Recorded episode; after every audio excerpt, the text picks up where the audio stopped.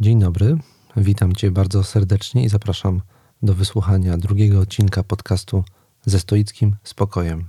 Tematem dzisiejszego odcinka jest słynny stoicki podział na rzeczy od nas zależne i niezależne.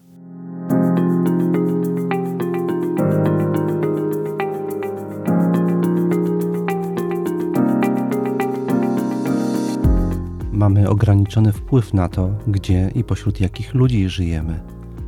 Nie my decydujemy, co nam się codziennie przydarza. Od nas jednak zależy, jak to przyjmujemy i jakimi stajemy się ludźmi. Nazywam się Tomasz Mazur, jestem współczesnym praktykującym stoikiem i zapraszam do wysłuchania mojego podcastu ze stoickim spokojem.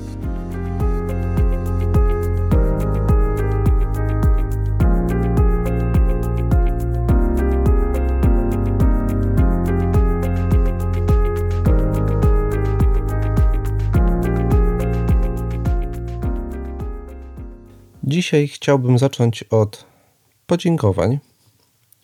To jest y, w pierwszej kolejności chciałbym podziękować jednej osobie, mianowicie Annie Bełz, mojej znajomej, która w takim okresie, w którym ja wahałem się, czy przystąpić do projektu pod tytułem podcast, przekonała mnie, że jest to dobry pomysł przekonała mnie w ten sposób, że powołała się na jej wcześniejsze doświadczenie z moim głosem słuchanym. Ja wcześniej nagrywałem e, nie tyle podcast, co to się nazywa chyba vlog profesjonalnie, takie krótkie filmiki umieszczane na YouTube e, pod tytułem Teoria Wiecznego Powrotu przy współpracy z pewnym znajomym. Ten projekt się skończył, ale Anna, która jest plastykiem, grafikiem, kiedy dłubała sobie te swoje różne graficzne rzeczy, czasami w tle puszczała właśnie jakieś tego typu nagranie, między innymi mój vlog i ona mi powiedziała, że słuchając tego bardzo dobrze jej się pracowała i pracowało i bardzo gorąco mnie zachęcała do tego, żebym kontynuował tą drogę. To też e, czynię to niniejszym i bardzo jej dziękuję za to, że mnie przekonała, zmotywowała w takim okresie, kiedy ja wahałem się, czy to jest dobry pomysł. A przy okazji chciałem powiedzieć o takim właśnie posiadaniu czegoś w tle tytułem wstępu. Mianowicie e, chciałbym powiedzieć o tłu w postaci pewnych powracających motywów w naszej edukacji. Seneca i inni stoicy zalecali, żeby człowiek, który pracuje nad swoim postępem duchowym, obcował stale z pewnym e, zamkniętym cyklem literackim. To znaczy, żeby miał kilka najważniejszych tekstów, które czyta, do których wraca, o których rozmyśla i o których dyskutuje, żeby one były dla niego pewnego rodzaju zakotwiczeniem i zakorzenieniem, a więc żeby były pewnego rodzaju stałym tłem jego rozwoju, jego refleksji. My dzisiaj jesteśmy bombardowani najrozmaitszymi nie tylko tekstami, ale przede wszystkim olbrzymim strumieniem informacyjnym, który nieustannie narzuca się temu naszemu obrazowi świata i bardzo ciężko jest nam to filtrować. Dlatego tym bardziej zalecane jest, żebyśmy umieli wybrać z tego wszystkiego, co nas otacza, pewien zestaw fundamentalnych, najważniejszych dla nas lektur i z nimi obcować. Z tego też powodu ja wymyśliłem sobie, że ten podcast będzie miał taką konstrukcję powracających motywów. Są pewne rzeczy, tak jak dzisiaj zamierzam omówić procedurę stoicką pod tytułem zależny, niezależny, mówiąc w skrócie. Ja do tego tematu będę powracał, bo e, jest to stały motyw praktyki stoickiej. E, podam przykład. Ostatnio mm, wróciłem sobie do Epikteta w ten sposób, że codziennie czytam jeden wykład Epikteta. Niektóre mają trzy strony, niektóre powiedzmy dziesięć. I ten motyw podziału rzeczy na zależne i niezależne wraca u Epikteta co kilka wykładów. On co kilka wykładów coś o tym mówi, czasami po prostu na zasadzie przypomnienia i powtórzenia, a kiedy indziej dodając do tego coś nowego. Y, zakłada Epiktet, że na tym polega, powi, powinna polegać taka stoicka, systematyczna edukacja, na nieustannym powracaniu do pewnych fundamentalnych motywów, gdzie ten motyw podziału rzeczy na zależne i niezależne jest w stoicyzmie najważniejszy. I tak na przykład wczoraj czytałem y, w księdze pierwszej, wykład 22, w którym Epiktet pisze tak, cytuję: Cóż to więc znaczy czynić postępy w nauce?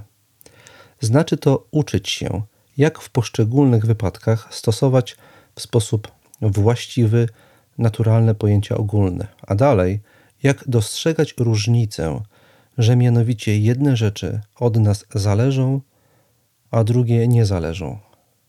Bardzo podoba mi się w tym tłumaczeniu akcent położony na dostrzeganie różnic i że czynienie postępu w edukacji, w nauce, przy czym tutaj właśnie chodzi o taką naukę etyczno-duchową, czynienie tego postępu polega na umiejętności dostrzegania pewnej różnicy, bo my przepływamy przez doświadczenia, przepływamy przez doznania i pewnych rzeczy nie zauważamy. A idzie właśnie o to, żeby je zauważać i żeby to dostrzeżenie ich wpłynęło na to, na to, jak reagujemy na sytuacje, w których się znajdujemy. Stoicy zakładali, że od naszej uważności zależy to, jak reagujemy na sytuację. Od tego, co dostrzegamy w tym, co nam się zdarza, jak na to patrzymy, zależy, jak reagujemy i jak czujemy się z tym, co nam się zdarza. Więc y, obiecuję, że y, w ramach tego podcastu do pewnych fundamentalnych stoickich tematów będę nieustannie powracał nawet jak już raz je w miarę dobrze, jakbym się wydawało, wytłumaczę, będę wracał do nich, e, starając się coraz to, e, coraz to od nowa rzucać na nie nowe, jakieś światło, którego wcześniej być może nie rzuciłem. Wracając do, do czytelnictwa, przypominam się w tym kontekście mm, taki cytat z Fryderyka Niczego. Zdaje się, że to było z tako rzeczy Zaratustra, on napisał e, w tam jednym z fragmentów: Widziałem młodych e, ludzi zaczytanych już na śmierć. Chodziło, e, chodziło niczemu także właśnie o to, że siła, rozumienie siebie, głębokie osadzenie w tym, co ważne, wymaga nie ilości przeczytanych, przetrawionych rzeczy, ale jakości tego, co czytamy, jak czytamy, jak trawi, trafimy, trawimy i jak to dociera do nas. Jeżeli czytamy za dużo, to po prostu nie mamy czasu osadzić e, poszczególnych elementów tego czytelniczego doświadczenia w nas samych. I to po prostu przez nas przepływa, nie wyciągamy z tego mm, należytego, właściwego, duchowego pokarmu, jeżeli mogę się tak wyrazić. Y, tyle tytułem wstępu, to były podziękowania. Jeszcze raz powiem dla Anny Beus. Y, mam nadzieję, że słuchając mojego podcastu będzie jej się dobrze rysowało. Mm, a teraz y, chciałbym przejść już do tej zasadniczej części dzisiejszego naszego spotkania i mm, opowiedzieć o ćwiczeniu albo stoickiej strategii, czy można powiedzieć także szerzej stoickiej zasadzie podziału wszystkiego, co nam się w życiu przydarza, na rzeczy od nas zależne i niezależne.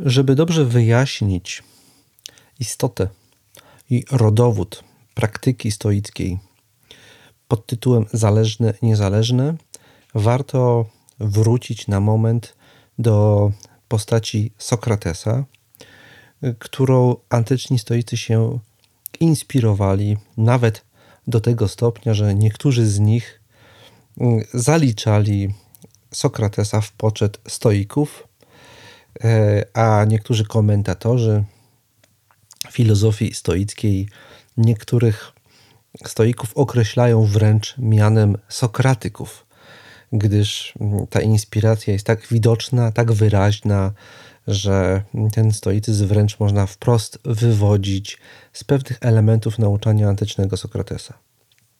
Tym e, e, elementem tego nauczania sokratejskiego, na których teraz e, chciałbym się w szczególności powołać, jest fundamentalne odkrycie sokratejskie, które doprowadziło go do nowej definicji człowieczeństwa. Sokrates żył i tworzył w czasach, w których człowieka postrzegano w dość osobliwy sposób. Osobliwy z naszego dzisiejszego punktu widzenia, oczywiście. Mianowicie postrzegano go jako w gruncie rzeczy wypadkową pewnego zbioru czynników zewnętrznych. Do tego stopnia, że jeden ze współczesnych komentatorów historii antycznej, kultury antycznej Grecji, powiedział, że człowiek w czasach przedsokratejskich to jest taka istota, która ma duszę na zewnątrz. Chciał ten komentator przez to powiedzieć, że w tamtych czasach, żeby wyjaśnić złożone motywy postępowania danego człowieka, zazwyczaj odwoływano się w ramach tego wyjaśnienia do jakichś czynników zewnętrznych, które tym człowiekiem powodowały. Czyli na przykład widzimy taką scenę w Iliadzie Homera, gdzie Achilles przeżywa, powiedzielibyśmy dzisiaj, rozterkę. Czy wywrzeć zemstę na znienawidzonym wrogu, czy nie wywrzeć? I to, co my dzisiaj postrzegamy jako pewien proces wewnętrzny człowieka, e, mówimy, że człowiek bije się z myślami, albo że próbuje powściągnąć wzburzenie, zapanować nad sobą.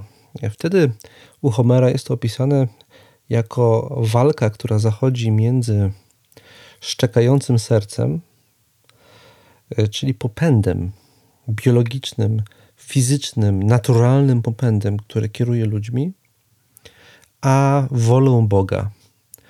E, Achilles powstrzymał się od wywarcia aktu zemsty, albowiem w tejże scenie opisanej przez Homera bogini Atena, która miała inne plany co do tej, tej postaci, pociągnęła go za włosy do tyłu. W ten sposób Homer opisuje akt powstrzymania się od wybuchu gniewu. Bogini ciągnie mnie za włosy. A więc to nie Achilles sam z siebie, jako podmiot ludzki coś zrobił. Za niego to zostało zrobione przez czynniki niezależne, zewnętrzne od niego. A więc człowiek jest, działanie człowieka wyobrażane było w tamtych czasach przez splot czynników zewnętrznych niezależnych od człowieka. E, I tych czynników podawano wiele, ale można je pogrupować na trzy główne kategorie. Z jednej strony była to wola bogów. Bogowie, jak wiemy z, tragi- z tragedii greckich, z eposów homeryckich, yy, kierowali sprawami ludzkimi i, i ingerowali w sprawy ludzkie, wykorzystywali człowieka do własnych rozgrywek, własnych celów. E, I człowiek był zdany na ich e, wolę, e, albo inaczej, człowiek był zdany na ich łaskę i niełaskę, był zdany na ich najlżejsze, najrozmaitsze kaprysy w efekcie czego nie był w stanie postąpić inaczej niż tego pragnęliby bogowie. Achilles, choćby chciał, cokolwiek by to miało znaczyć w przypadku Achillesa, że on coś chce, e, choćby więc nawet chciał, nie mógłby e, zapałać gniewem, nie mógłby wywrzeć zem, upragnionej zemsty, albowiem bogini zamyśliła sobie inny scenariusz działań w jego przypadku i w związku z tym akcja toczy się zgodnie z zamysłem bogini, a nie człowieka. Nic nie dzieje się zgodnie z zamysłem człowieka, wszystko dzieje się zgodnie z zamysłem bogów. E, przynajmniej wtedy, kiedy ingerują w życie ludzkie. Kiedy nie ingerują w życie ludzkie, decydują o nim dwa inne czynniki. Z jednej strony jest to natura, e, opisana między innymi w pracach i dniach Hezjoda, Człowiek jest elementem pewnego cyklu naturalnego, działa i postępuje zgodnie z tym cyklem. pragnienia, jakie w nim wybuchają, są konsekwencją uczestnictwa w pewnym cyklu natury i na to nie ma on żadnego wpływu. Jest, że tak powiem, z jednej strony zakładnikiem woli bogów, a z drugiej strony jest zakładnikiem procesów natury. Wreszcie trzecim czynnikiem, który decyduje o losach i postępowaniu człowieka w antyku, w tym antyku, który zastał Sokrates, jest kontekst społeczny, albo mówiąc precyzyjniej, status społeczny. Człowiek jest tym, co dzisiaj określamy mianem twarzy społecznej, wizerunku.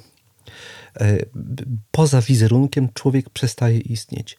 I widzimy to w losach Odyseusza, który po latach tułaczki wraca do ojczyzny, do rodzimej Itaki. I w tejże Itace, kiedy powrócił, nie jest przez nikogo rozpoznany. Dlaczego nie jest rozpoznany? Bynajmniej nie dlatego, że się tak bardzo zmienił i postarzał. E, mianowicie jest nierozpoznany dlatego, że, jego, że stracił swoją pozycję społeczną. A stracił swoją pozycję społeczną z bardzo prostego, zupełnie innego powodu. Innego niż jego nieobecność. Tym powodem były, byli zalotnicy, którzy podczas nieobecności Odyseusza wypełnili jego dom, licząc na łaskawość uczuć żony Odyseusza Penelopy. Otóż z punktu widzenia pozycji mężczyzny w tamtych czasach jest to dla żyjącego jeszcze Odyseusza utrata imienia, utrata twarzy. Wzburzony Odyseusz zabija zalotników i dopiero wtedy, po tym jak ich zabił i, i przez to symbolicznie odzyskał twarz, jest rozpoznany przez innych domowników jako on właśnie, czyli jako Odyseusz. Podsumowując zatem, życie ludzkie, wszystkie ludzkie działania w czasach przedsokratejskich wyznaczane są przez trzy zewnętrzne w stosunku do człowieka czynniki. Zewnętrzne, a więc niezależne od niego. Jest to wola bogów, głos natury i pozycja społeczna. Wszystko, co robimy, robimy po to albo z powodu jednego z tych trzech czynników. Można więc powiedzieć, że w tych czasach człowiek nie robił nic sam z siebie, że nie miał żadnej innej motywacji, którą byśmy nazwali dzisiaj wewnętrzną, właściwą, ludzką motywację, motywacją. I tutaj pojawia się Sokrates, który, można powiedzieć, w swoim nauczaniu buntuje się, e, e, przeprowadza rewolucję w stosunku do tego typu myślenia o człowieku i wprowadza czwarty, zupełnie nowy, niezależny czynnik. To, co my, to, to, to, co Platon później określił mianem duszy, a co Sokrates najczęściej określał mianem człowieka wewnętrznego. Mamy więc w ujęciu Sokratesa jakby dwóch ludzi: człowieka zewnętrznego, czyli tego wyznaczanego przez kontekst, przez te wartości zewnętrzne, i mamy człowieka wewnętrznego, zupełnie nową instancję, która pojawia się i wchodzi w pewną interakcję z tymi trzema dotychczasowymi głównymi i dominującymi czynnikami. I właśnie ta interakcja zrodziła postać Sokratesa, zrodziła dynamikę nauczania Sokratesa, rewolucyjny charakter tej dynamiki i wreszcie doprowadziła Sokratesa do pewnego performance'u, E, który znamy pod nazwą procesu Sokratesa. Proces Sokratesa jest pewnego rodzaju performancem, w którym Sokrates zderza instancję wewnętrzną z instancją zewnętrzną. W tym procesie, w tym procesie Sokrates właściwie trzy razy mówi nie. Pokazuje, że człowiek wewnętrzny może powiedzieć nie i na tym polega jego wolność tym trzem zewnętrznym instancjom. Po pierwsze, może powiedzieć nie naturze. Jeżeli naturą, w naturze człowieka tkwi strach przed śmiercią. Jest to jego naturalny instynkt. To Sokrates pokazuje, że, może, że człowiek może pragnąć śmierci w imię wartości. Sokrates w procesie jawi się jako człowiek, który wzniósł się ponad strach przed śmiercią, powiedział nie swojej naturze. Następnie Sokrates mówi nie Bogom. Ja nie postępuję wedle tego, co każą mi bogowie. Ja postępuję wedle tego, co podpowiada mi rozum. Postępuje zgodnie z rozumem. A więc Sokrates może mu powiedzieć nie tradycji. Jedno z oskarżeń wysuniętych pod adresem Sokratesa to jest właśnie to, że nie szanuje bogów, nie słucha bogów. W preludium do, y, do obrony Sokratesa, w dialogu pod tytułem, Sokrat, pod tytułem Eutyfron. Sokrates y, tytułowemu Eutyfronowi, który jest y, kapłanem religii greckiej, religii bogów olimpijskich, zadaje pewne fundamentalne pytanie: czy coś jest dobre dlatego, że bogowie tego chcą, czy bogowie tego chcą dlatego, że to jest dobre? I w tym pytaniu y, zawiera się ta właśnie wolność człowieka w stosunku do czynnika boskiego. Ostatecznie to ja rozstrzygam, co jest dobre, i ostatecznie to ja decyduję, czy to, co słyszę od bogów, przyjmę, czy nie przyjmę. To mój rozum decyduje, jakiego autorytetu ja słucham. I to ta decyzja rozgrywa się wewnątrz człowieka, w jego sumieniu, w jego świadomym e, akcie myślenia. Trzeci raz, kiedy Sokrates mówi nie, to, ten, to właściwie cały, cały, cały proces Sokratesa to jest jedno wielkie nie w stosunku do presji społecznej. Jakakolwiek by nie była presja społeczna, nawet groźba infamii, wygnania, skazania na śmierć przez współobywateli, utrata twarzy e, w najskrajniejszej postaci. Nawet w obliczu tego rodzaju groźby Sokrates pokazuje, że jest w stanie zachować swoją postawę, swoją godność, swój spokój wewnętrzny, albowiem on motywację do swojego działania i swojej siły ducha czerpie zupełnie skądinąd, czerpie z człowieka wewnętrznego, a więc z tego, co można w uproszczeniu powiedzieć, poszukiwaniem odpowiedzi na pytanie, co jest dobre, co jest uniwersalnie dobre dla człowieka, bez względu na jakikolwiek kontekst.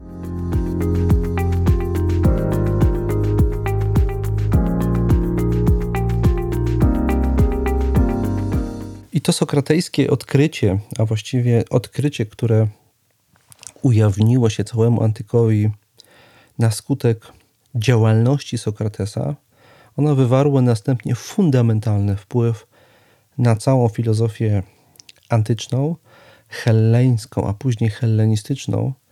W tym wywarło fundamentalny wpływ, tak jak już powiedziałem, na nauczanie stoickie.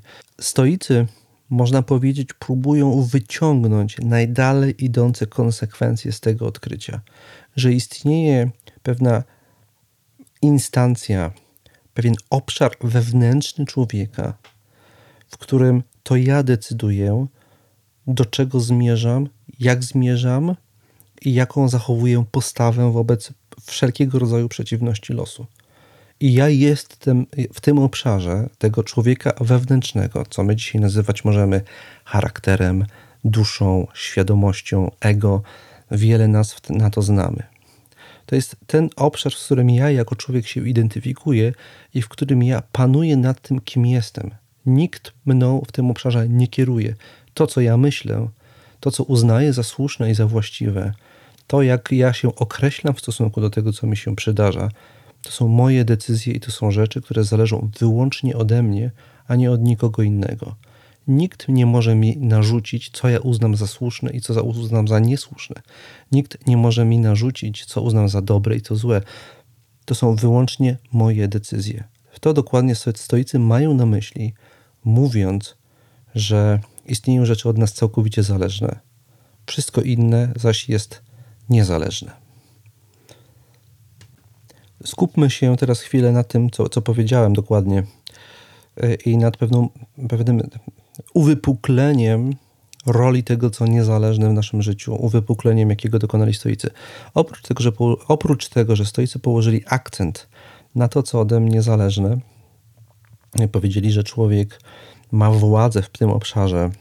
Oprócz tego jeszcze powiedzieli, że nie tylko zależne jest ode mnie, y, co uznaję za słuszne, ale z tego wynika, jak się czuję, w sensie y, mojego stanu emocjonalnego. Wprawdzie już Sokrates na ten temat mówił i zresztą pokazywał, że w obliczu najbardziej poważnego zagrożenia, jakim jest zagrożenie infamii i zagrożenie śmierci, coś, co paraliżowałoby większość lu ludzi. Sokrates, Sokrates jest w stanie zachować niezmąconą pogodę ducha, wewnętrzny spokój i poczucie godności. To było najbardziej uderzającą rzeczą w procesie Sokratesa dla jego współczesnych.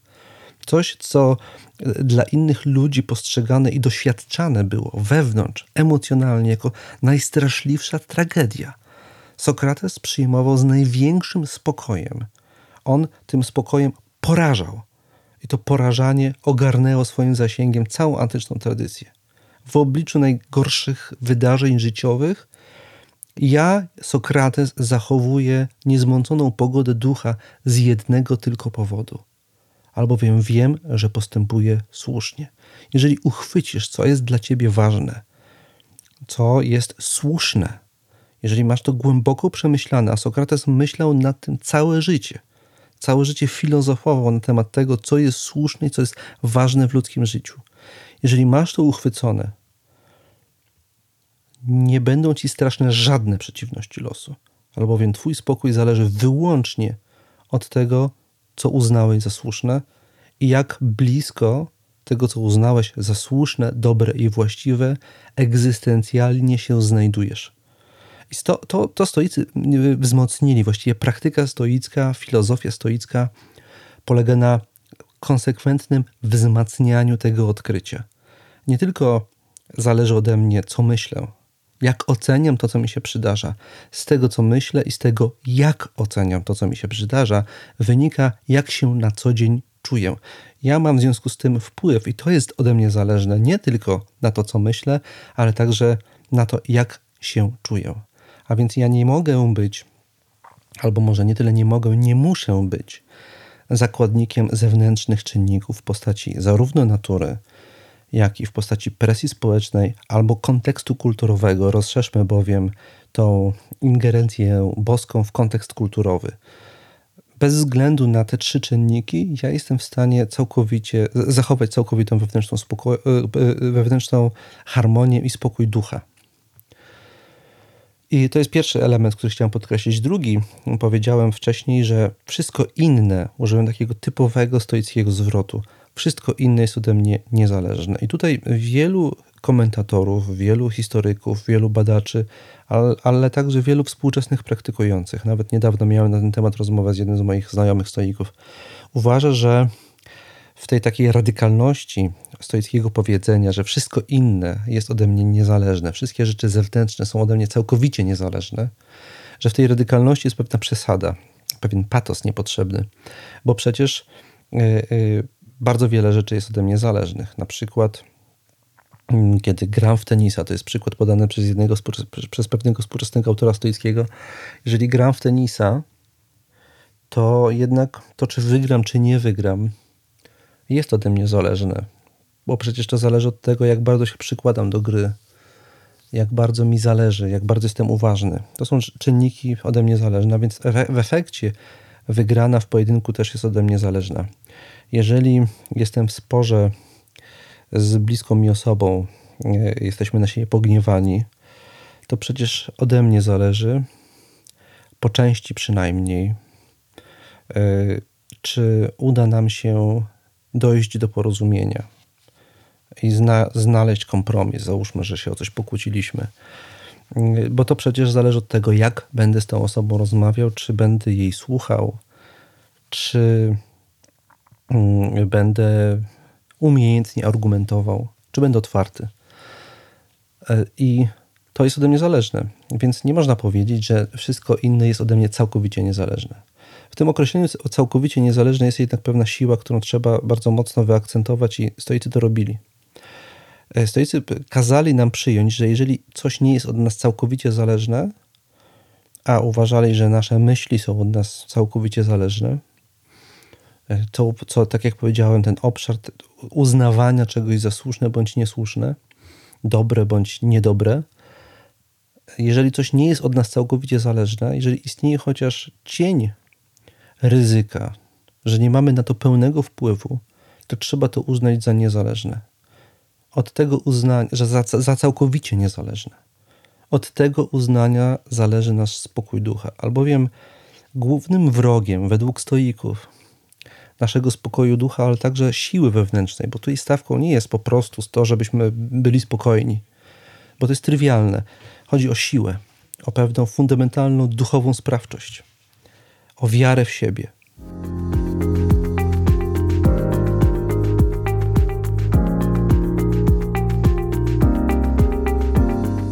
Więc e, tutaj podsumowując, upraszczając, chodzi o nastawienie. Jeżeli my przyjmiemy, że coś, co choć odrobinę jest od nas niezależne, a my przyjmiemy, że to jest od nas zależne, wówczas rodzi się w naszej duszy, w, naszych, w głębiach naszego umysłu pewnego rodzaju nastawienie i oczekiwanie na to, że nasze działanie w tym obszarze musi się ziścić. E, strach przed tym i niepokój przed tym, że się ziści, stanowi stały komponent naszego działania. I właśnie ten strach uniemożliwia osiągnięcie wewnętrznej siły i spokoju. To odkryli stoicy. Dlatego oni uważali, że przystępując do jakiegokolwiek działania, należy się skupić wyłącznie na tym, co jest od nas zależne i starać się w ogóle nie myśleć o tym, co jest od nas niezależne. Przystępując do meczów tenisa albo do trudnej rozmowy z bliską osobą, w której jest, z którą jesteśmy w stanie kłótni, powinniśmy w związku z tym podzielić to sobie na dwa obszary, na to, co jest od nas zależne. To, jak będziemy mówić, przypadku rozmowy, to jak będziemy grać w przypadku tenisa, jest od nas zależny. Natomiast ostatecznie wynik nie jest od nas w pełni zależny, w związku z tym w ogóle się na to nie nastawiamy, w ogóle się o tym nie myślimy, całkowicie się od tego odcinamy. Sekret siły wewnętrznej człowieka, sekret siły, która mu towarzyszy, tkwi właśnie w umiejętności przeprowadzenia tego podziału, dostrzeżenia w każdym działaniu, tak jak tutaj nawiązuję do cytatu z, z Epikteta, który przytoczyłem na samym początku dzisiejszego podcastu, dostrzeżenia w każdym w każdym działaniu właśnie tej różnicy, ona przebiega dokładnie w poprzek każdego naszego działania. I tutaj chciałbym e, skończyć. Bardzo dziękuję za e, wysłuchanie dzisiejszego odcinka podcastu ze stoickim spokojem. E, zapraszam do następnego odcinka. Dziękuję bardzo.